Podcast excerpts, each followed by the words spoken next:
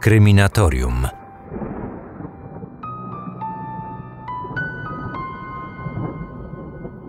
Na początku lat 60. ubiegłego wieku, pochodzący z Irlandii Północnej, 43-letni Patrick McKenna był pracownikiem w londyńskim oddziale brytyjskiej poczty. Jako starszy oficer ochrony transportu kolejowego swoją pracę traktował jako spełnienie marzeń z dzieciństwa. Odpowiadał za bezpieczeństwo przewozu przesyłek pocztowych na trasie z Glasgow w Szkocji do Londynu w Anglii. Specjalny pociąg pocztowy składający się z 12 wagonów i obsługiwany przez 72 pracowników raz w tygodniu przemierzał tę trasę, przewożąc listy, paczki oraz ogromne sumy gotówki. Podczas dodatkowych przystanków pobierano z punktów odbioru kolejne wartościowe przesyłki. Podczas jednego kursu samej gotówki przewożono średnio około 300 tysięcy funtów.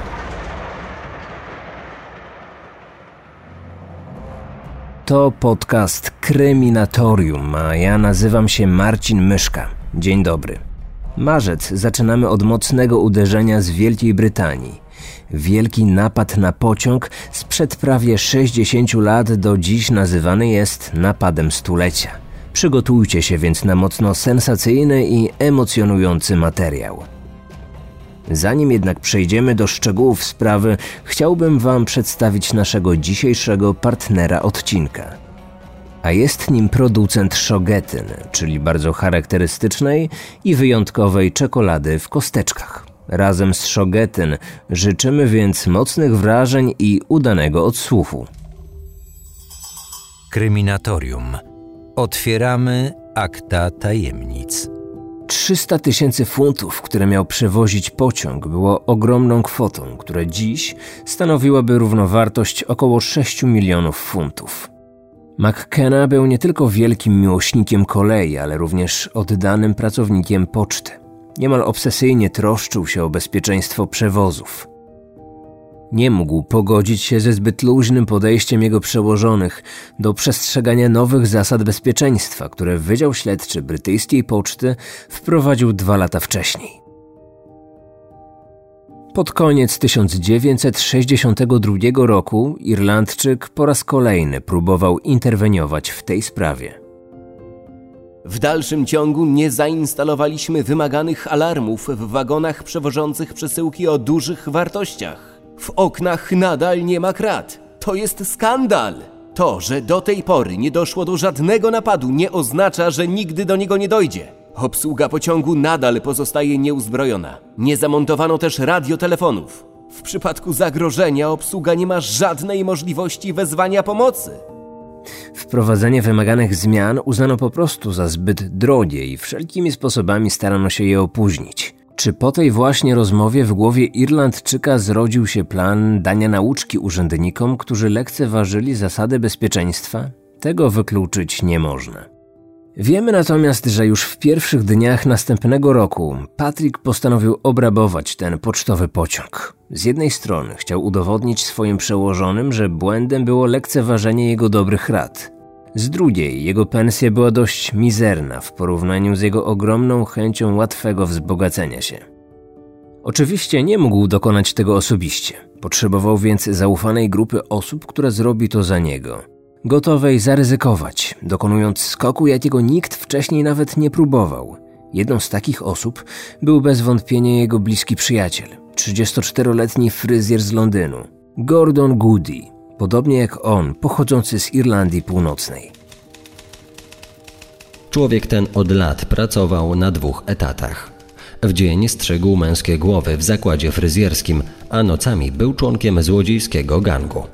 W swoim środowisku uchodził za włamywacza dżentelmena. Podczas skoków nie używał broni i nigdy nie skrzywdził żadnej z ofiar. Już sama myśl o pocztowych workach wypchanych pieniędzmi, których strzeże niedoświadczona i nieuzbrojona pocztowa obsługa pociągu, podziałała na wyobraźnię fryzjera.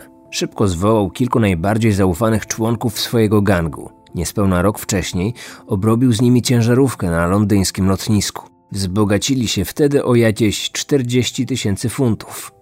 Tym razem w grę wchodziła znacznie większa kwota, po której spokojnie można było się udać na złodziejską emeryturę.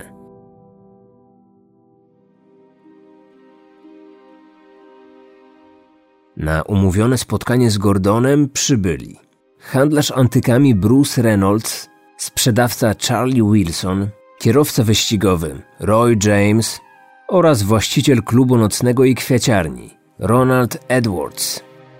Panowie, do tej pory kradliśmy tylko jakieś drobne. Teraz jest okazja dorobić się naprawdę wielkich pieniędzy. Mam cynk o pociągu przewożącym 300 tysięcy. Ładunek jest niezabezpieczony, a ochrania go nieuzbrojona obsługa. Wystarczy zatrzymać pociąg gdzieś w polu i wynieść z niego worki pełne forsy. Wchodzicie w to? Wszyscy bez chwili wahania zgodzili się wziąć udział w tym skoku. Cała operacja wymagała specjalnego i drobiazgowego przygotowania. Przez kolejne miesiące gang szczegółowo opracowywał plan napadu. Mózgiem skoku został 32-letni Bruce. Był najbardziej doświadczonym złodziejem z całej grupy. Ten miłośnik antyków, drogich cygar i alkoholu od dłuższego czasu był poszukiwany przez policję za liczne napady i kradzieże. Wcześniej odsiedział już kilka lat w więzieniu, gdzie nawiązał kontakty z najbardziej uznanymi rzemieślnikami londyńskiego półświadka, co było najważniejszym powodem, dla którego został mianowany szefem napadu na pociąg. Od samego początku był świadomy, że bez jego znajomości się nie obejdzie. Pięciu złodziei to stanowczo za mało do obrabowania pociągu, którym podróżować miało ponad 70 pocztowców. Broń palna nie wchodziła w grę. Złodzieje zamierzali to załatwić na czysto i co najważniejsze bez ofiar. Grupa potrzebowała więc wspólników i to najlepiej doświadczonych w robocie z pociągami. I szybko udało się takich specjalistów znaleźć, o czym Bruce napisał później w autobiografii. Chyba znalazłem odpowiednią ekipę. Chłopaki działają od dłuższego czasu w południowym Londynie. Może nie zrobili jeszcze takiego pociągu, ale pięknie czyszczą składy kolejowe na bocznicy. I co ważne, żaden z nich do tej pory nie dał się jeszcze złapać. W ten sposób do grupy wkrótce dołączyli Tommy, Bob, Jim i Roger. Czterech utalentowanych i dotąd nieuchwytnych złodziei kolejowych. Do dziewięcioosobowej ekipy zwerbowano jeszcze siedmiu kolejnych specjalistów. Jednym z nich był 34-letni Ronnie Biggs, z którym Bruce dzielił kiedyś jedną celę. Ronnie otrzymał niewielkie, ale bardzo ważne zadanie. Miał zwerbować człowieka, który potrafił samodzielnie obsługiwać lokomotywę. Po dość żmudnych poszukiwaniach znalazł odpowiedniego fachowca. Kilka dni później mężczyzna po skończonym kursie na maszynistę o pseudonimie Agat dołączył do całej grupy jako ostatni, siedemnasty członek. Zaplanowano, że napad odbędzie się 8 sierpnia na moście w pobliżu miasteczka Mentmore w hrabstwie Buckinghamshire. Ich informator, Patrick, zapewniał, że nikt z 72-osobowej załogi pociągu nie będzie uzbrojony. Złodzieje całkowicie zrezygnowali więc z zabrania na tę akcję jakiejkolwiek broni palnej. Zabierzcie ze sobą drewniane pałki i jakieś żelazne pręty. Kilka siekier też się przyda. Taki zapas zrobi odpowiednie wrażenie na pocztowcach. Wystarczająco się przestraszą i nie będą chcieli zgrywać bohaterów. Pamiętajcie o jednym. Nikogo nie zabijamy. Jesteśmy złodziejami, a nie mordercami. Obezwładniamy, związujemy i uciekamy. Łatwizna. Do rozwiązania pozostał jeszcze tylko jeden ostatni problem. Jak zatrzymać pędzącą lokomotywę? Ale i z tym kłopotem szybko sobie poradzono. Roger, jeden ze zwerbowanych złodziei kolejowych, miał idealny pomysł. W środę 7 sierpnia 1963 roku pociąg pocztowy wyruszył z dworca centralnego w szkockim Glasgow. Do Londynu miał przybyć następnego ranka o godzinie czwartej. Tak jak zapowiedział wcześniej McKenna, skład liczył 12 wagonów. Przewoził 72 pracowników poczty. Część z nich w trakcie podróży sortowała listy – Większość przesyłek została załadowana do wagonów jeszcze zanim pociąg wyruszył. Reszta miała zostać dołożona po drodze podczas dodatkowych przystanków na trasie. Część przesyłek pochodzić miała z wyznaczonych wcześniej punktów odbioru, usytuowanych tuż przy torach. Lokalni pocztowcy wieszali worki na specjalnych hakach. Pakunki te były później wyłapywane przez obsługę pociągu za pomocą odpowiednich sieci. Proces ten pozwalał na dystrybucję poczty bez opóźniania pociągu dodatkowymi postojami. Drugi wagon za lokomotywą nazywany był magazynem przesyłek wartościowych. Zwykle przewożono w nim gotówkę, umieszczoną w dużych płóciennych workach. Każdy z nich ważył około 20 kg i zawierał w większości banknoty o nominale 1 i 5 funtów. Według ostrożnych szacunków irlandzkiego informatora, wagon ten przewoził około 300 tysięcy funtów, a pilnować miało go pięciu pocztowców. O godzinie trzeciej nad ranem, w odległości około 65 km od Londynu, 58-letni maszynista pociągu, Jack Mills, zauważył, że na przytorowym sygnalizatorze pali się czerwone światło. Co jest grane? Kursuję tędy od kilkunastu lat. Jeszcze nigdy nie musiałem się zatrzymać w tym miejscu. Maszynista miał rację. O tej porze sygnalizator powinien wskazywać światło zielone. Mills nie miał jednak pojęcia, że za zmianę oświetlenia odpowiada nie zwiadowca ruchu, ale Roger, jeden z członków gangu niecierpliwie czekających na zatrzymanie pociągu. Jego plan był nie tylko bardzo prosty, ale i niezwykle skuteczny. Palące się zielone światło na sygnalizatorze zostało zasłonięte grubą gumową rękawicą. Czerwone światło udało się złodziejom zapalić po wcześniejszym podłączeniu do zasilania żarówki 6V baterii. W panujących ciemnościach, pomimo świateł lokomotywy, maszynista nie był w stanie zauważyć ani rozmontowanej obudowy sygnalizatora, ani sylwetek czających się tuż przy nim mężczyzn. Mills pomyślał, że nastąpiła awaria, ale przepisy to przepisy. Musiał zareagować. Raptownie wyhamował i w końcu zatrzymał cały skład. Pociąg nie dysponował bezpośrednią łącznością, więc pomocnik maszynisty, 26-letni David, wyszedł z kabiny, aby z pobliskiej budki służbowej zadzwonić do centrali i zapytać o powód zmiany świateł. Telefon jednak nie działał. Godzinę wcześniej złodzieje przecięli wszystkie kable. Gdy David wracał do lokomotywy, z mroku wyskoczyło na niego dwóch mężczyzn. Bez trudu obezwładnili pomocnika maszynisty. W tym samym czasie inni uczestnicy napadu, m.in. Bruce i Gordon, weszli do lokomotywy z obu jej stron. O przebiegu tego ataku po latach opowiedziała wdowa po maszyniście. Gdy tylko rabusie opanowali lokomotywę, przyszedł czas na wprowadzenie w życie drugiego punktu ich planu, czyli obezwładnienie pięciu pocztowców, którzy pilnowali gotówki w drugim wagonie – Zadanie okazało się znacznie łatwiejsze niż wszyscy przypuszczali. Żaden z pocztowców nie zamierzał ryzykować własnym zdrowiem i życiem. Bez protestów wykonali polecenie napastników. Położyli się na podłogę i pozwolili się związać. Wtedy Roger połączył lokomotywę i dwa pierwsze wagony do reszty składu. Od chwili rozpoczęcia napadu minęło raptem 10 minut i póki co wszystko przebiegało zgodnie z planem. Pocztowcy, którzy znajdowali się w dalszych wagonach, nie zauważyli niczego podejrzanego. Ich uwagi nie zwróciło nawet to, że pociąg zatrzymał się kilkanaście minut przed planowanym postojem. Wszyscy uznali zgodnie, że być może jechał szybciej i stąd ta różnica w czasie. Zajęci sortowaniem przesyłek nie zauważyli, że trwał właśnie napad.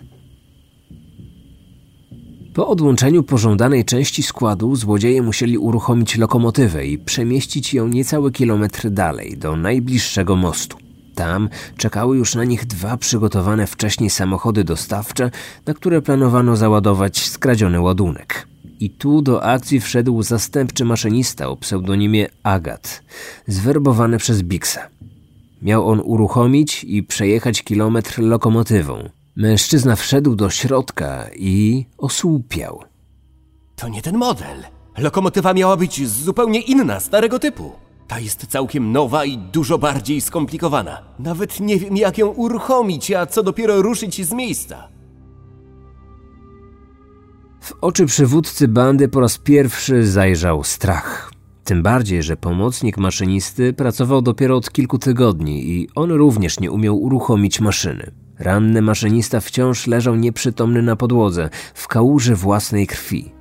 Nie było jednak innego wyjścia. Postanowiono ocucić Milsa i zmusić go do współpracy. Maszynista powoli otworzył oczy. Nie bardzo wiedział, co się dzieje i gdzie się znajduje. Gdy nieco oprzytomniał, szybko pojął, w czym rzecz.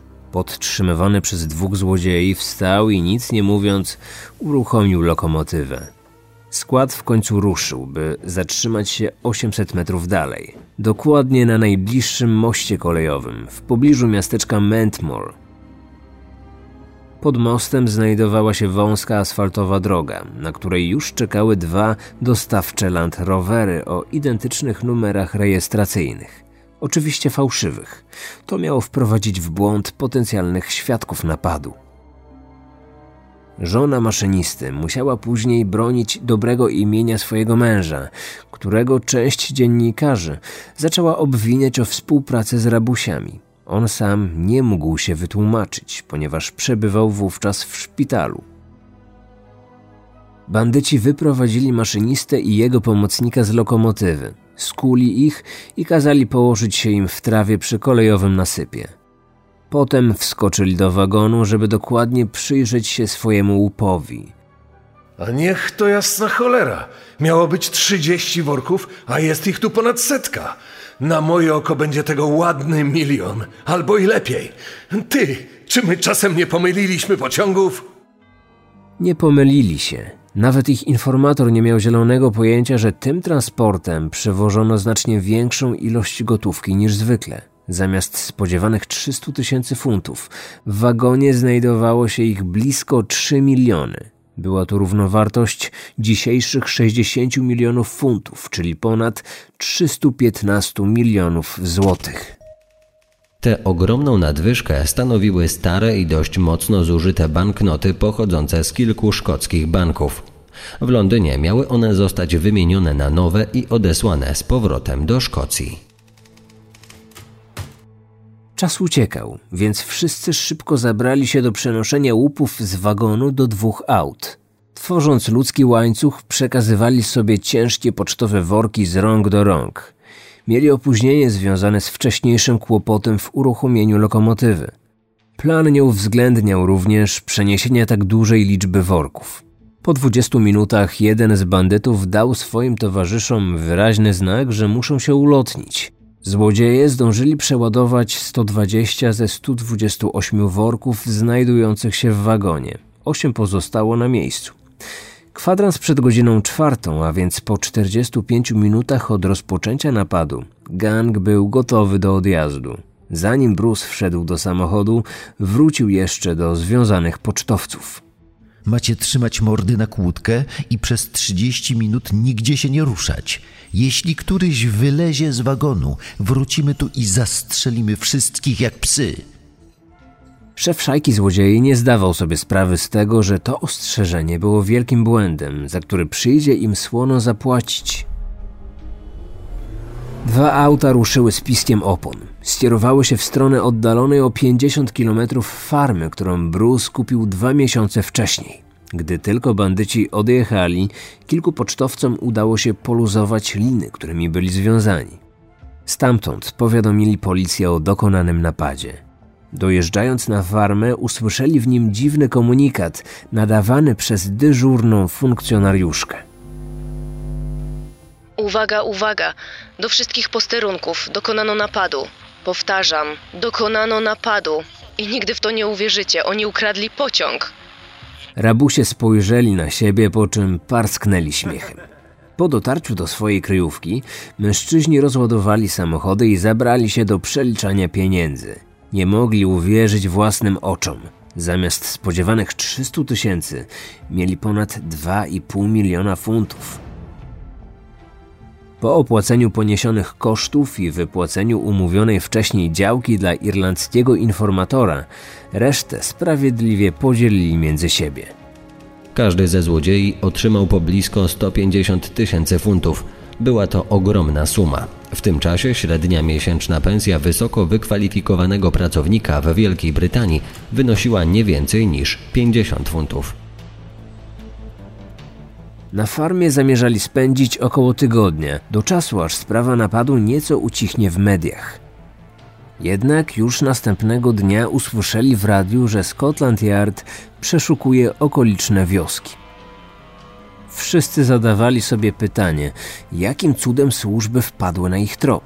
Choć wtedy tego jeszcze nie wiedzieli, odpowiedź była prosta. Na podstawie słów obrabowanych pocztowców na temat tego, że złodzieje kazali im czekać 30 minut, policjanci doszli do wniosku, że bandyci musieli mieć swoją kryjówkę oddaloną od miejsca zdarzenia o około pół godziny jazdy samochodem. Szybko wytypowano, że nie może ona znajdować się dalej niż 50 kilometrów. Jak się miało wkrótce okazać, ich przewidywania okazały się niezwykle trafne. Tymczasem w brytyjskich mediach rozpętała się prawdziwa burza. Dziennikarze głośno krytykowali brak wymaganych zabezpieczeń w pociągu, który przewoził tak wartościowy ładunek. Wszyscy szukali winnych. Zdania komentatorów były jednak mocno podzielone. Jedni wskazywali pocztowych urzędników, inni winą obarczali policję i ich nieudolne śledztwo. Pojawiły się również głosy, że do odpowiedzialności należy pociągnąć znajdujących się w wagonie pocztowców, którzy zamiast walczyć ze złodziejami, potulnie pozwolili się obezwładnić i związać. Tylko w jednym przypadku dziennikarze mówili jednym głosem – Wszystkie dzienniki zgodnie twierdziły, że rabunek pocztowych pieniędzy był skokiem stulecia, zarówno jeśli chodzi o sposób przygotowania i przebieg napadu, jak i o wartość skradzionych worków. Rabusie w popłochu opuścili swoją kryjówkę i rozjechali się w różne strony, zostawiając farmę pod opieką jednego z nich. Był to Brian Field, który miał jak najszybciej podpalić dom na farmie i tym samym zatrzeć wszelkie ślady, za co otrzymał od pozostałych dodatkowe 10 tysięcy funtów. Field jednak uciekł z gospodarstwa kilka godzin po swoich kompanach i pozostawił farmę nietkniętą. Do dziś nie wiadomo właściwie dlaczego nie wywiązał się on z powierzonego mu zadania. Być może miał jakieś problemy z podłożeniem ognia a może po prostu uznał, że nie ma takiej potrzeby, bo policja i tak nigdy ich nie wytropi. Tak czy inaczej, niedoszły podpalacz popełnił błąd, który policjanci skwapliwie wykorzystali. Prowadzący śledztwo porucznik za pośrednictwem gazet zwrócił się do wszystkich potencjalnych świadków wydarzeń związanych z napadem na pociąg. Wkrótce policyjne telefony rozgrzały się do czerwoności. Wśród wielu fałszywych tropów funkcjonariusze przeoczyli ten najważniejszy, pochodzący od miejscowego rolnika, którego gospodarstwo sąsiadowało z kryjówką złodziei. Już dzień po skoku stulecia pewien rolnik poinformował policję, że o piątej nad ranem obudził go podejrzany hałas. Gdy wyjrzał przez okno, dostrzegł dwa nieznane mu samochody dostawcze, pędzące w stronę farmy, na której nikt nie mieszkał. Policjanci kompletnie zignorowali zgłoszenie tego mężczyzny. Świadek był jednak niezwykle uparty i cztery dni później ponownie wykręcił numer najbliższego posterunku policji. Był wściekły. Jak to możliwe, że nikt z was nie przyjechał? Szukacie złodziei, a zachowujecie się, jakbyście nie chcieli ich znaleźć. Przecież już kilka dni temu mówiłem wam, że na tej farmie działo się coś podejrzanego. Kręciło się tam wielu ludzi, a teraz znowu nikogo nie ma. Tylko te samochody wciąż tam stoją. Obejrzałem je dokładnie. Oba mają te same numery rejestracyjne. Czy to nie dziwne? Tym razem już nikt nie zlekceważył słów starego rolnika. Przybyli na miejsce policjanci, zabezpieczyli tam puste worki pocztowe, kominiarki, kilka metalowych prętów oraz wiele odcisków palców. Ich odciski były dosłownie wszędzie. Na talerzach, sztućcach, na butelce keczupu. Nawet na rozłożonej na stole planszy do gry Monopol. Jako, że nigdy nie znaleźliśmy banknotów z tej gry, przyjęliśmy, że w ramach rozrywki złodzieje używali w grze prawdziwych pieniędzy, które wcześniej zrabowali z pociągów. Do funkcjonariuszy uśmiechnęło się niebywałe szczęście. Okazało się, że prawie wszystkie odciski znajdowały się już w policyjnej bazie danych. Szybko wytypowano 15 przestępców, którzy byli obecni w tym domu, a co za tym idzie, uczestniczyli w skoku stulecia. Aresztowanie ich było tylko kwestią czasu. 20 stycznia 1964 roku rozpoczął się głośny proces. Na ławie oskarżonych zasiadło 13 złodziei. Tylko Bruce i Ronald zdołali umknąć policji. Proces trwał 51 dni, w trakcie których swoje zeznania złożyło 240 świadków. Zanim 14 kwietnia 1964 roku ogłoszono werdykt, sędzia nazwał napad i rabunek ohydną zbrodnią, inspirowaną niewyobrażalną chciwością, jakiej Wielka Brytania nie doświadczyła nigdy wcześniej. Siedmiu złodziei usłyszało wyrok 30 lat pozbawienia wolności. W tej grupie znaleźli się m.in. organizatorzy napadu. Pozostali członkowie gangu otrzymali od 20 do 25 lat więzienia. Wyjątek stanowił jeden z oskarżonych, który co prawda nie uczestniczył w napadzie, ale wiedział o nim i pomagał sprawcom już po jego dokonaniu. Usłyszał on wyrok trzech lat pozbawienia wolności. Za tymi, którym udało się uciec, wystawiano listy gończe. Ronald zbiegł do Meksyku już kilka dni po skoku. Nie wytrzymał tam długo i już po trzech latach wrócił do Anglii. Osobiście zgłosił się na policję, a następnie odsiedział w więzieniu 9 lat. Zmarł w 1994 roku. Prawdopodobnie popełnił samobójstwo. Ten sam kierunek obrał szef grupy, Bruce, który do Meksyku zabrał żonę i dzieci. Po pięciu latach wrócił do Londynu, posługując się fałszywym paszportem. 30 lat później sam wyjaśnił powód ryzyka, jakie wtedy podjął. Do powrotu namówili mnie kumple. Planowali obrobić kolejny pociąg i potrzebowali mojej pomocy. Moja chciwość wygrała ze zdrowym rozsądkiem, ale w samym napadzie nie zdążyłem już wziąć udziału. Kilka dni przed planowaną akcją został aresztowany. Więzienie opuścił po 11 latach. Gdy był na tej przestępczej emeryturze, często udzielał wywiadów prasowych, w których wspominał słynny napad stulecia. Zmarł w roku 2013, gdy miał 81 lat.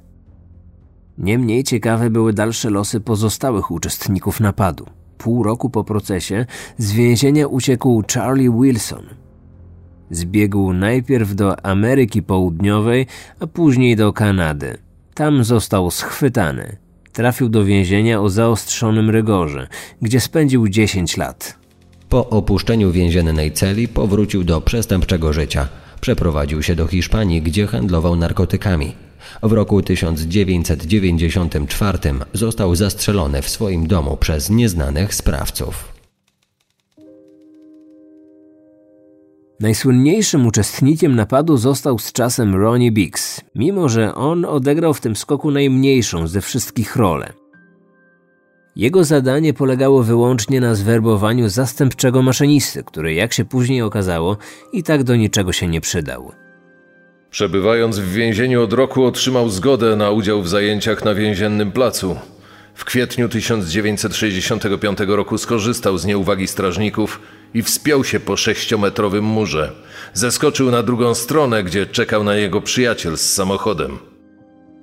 Trzy dni później Biggs uciekł najpierw do Belgii, później do Francji. Ścigany międzynarodowym listem gończym, często zmieniał kraje swojego pobytu. Wytropiony w Australii, zbiegł do Brazylii. Znaleźliśmy go w Rio de Janeiro, ale nic nie mogliśmy zrobić. Pomiędzy naszymi krajami nie było umowy o ekstradycji. Dodatkowo on był już ojcem dziecka posiadającego brazylijskie obywatelstwo. Wiedzieliśmy, że władze Brazylii nie zgodzą się na wydanie osoby będącej rodzicem brazylijskiego obywatela. Pozostało nam tylko czekać. I to czekanie opłaciło się. Po latach bycia lokalnym celebrytą, Biggs napisał książkę o słynnym napadzie, w której znacznie wyolbrzymił swoją rolę w tym wydarzeniu. Cieszył się sławą nieuchwytnego złodzieja. Pozował do zdjęć, udzielał wywiadów, a nawet sprzedawał pamiątki ze swoją podobizną. Jednak to życie ponad stan doprowadziło go w końcu do bankructwa. W roku 2001 schorowany i biedny 71-letni złodziej postanowił wrócić do Anglii. Na lotnisku w Londynie otoczył go tłum dziennikarzy. Biggs do końca grał rolę zuchwałego złodzieja dżentelmena. Zapytany o powód powrotu, odpowiedział – Miałem wszystko, ale brakowało mi prawdziwego angielskiego piwa. Jestem już stary, więc moim jedynym pragnieniem było wejść do angielskiego pubu i zamówienie jednego kufelka. Nawet jeśli miałbym za to zapłacić aresztowaniem i więzieniem. Prawda była jednak inna. Był ciężko chory i potrzebował specjalistycznej opieki medycznej, na którą w Brazylii nie było go po prostu stać. W angielskim więzieniu koszty jego leczenia, które wynosiły ponad 30 tysięcy funtów rocznie, pokrywałoby państwo. Ronnie Biggs opuścił więzienie po ośmiu latach jako niedołężny starzec. Karmiony przez sondę, niemówiący i niemal ślepy, zmarł cztery lata później, w wieku 84 lat. Gordon Goody, który namawiał pozostałych złodziei na dokonanie napadu stulecia, wyszedł na wolność w roku 1975. Miał wtedy 46 lat. Najpierw zamieszkał z chorą matką w jej własnym domu. Później przeprowadził się do Hiszpanii, gdzie kupił dom i otworzył bar na plaży. Mieszkał tam aż do swojej śmierci w roku 2016. Miał wówczas 87 lat. Dwa lata wcześniej niespodziewanie ujawnił nazwisko swojego irlandzkiego informatora, które do tamtej pory pozostawało nieznane.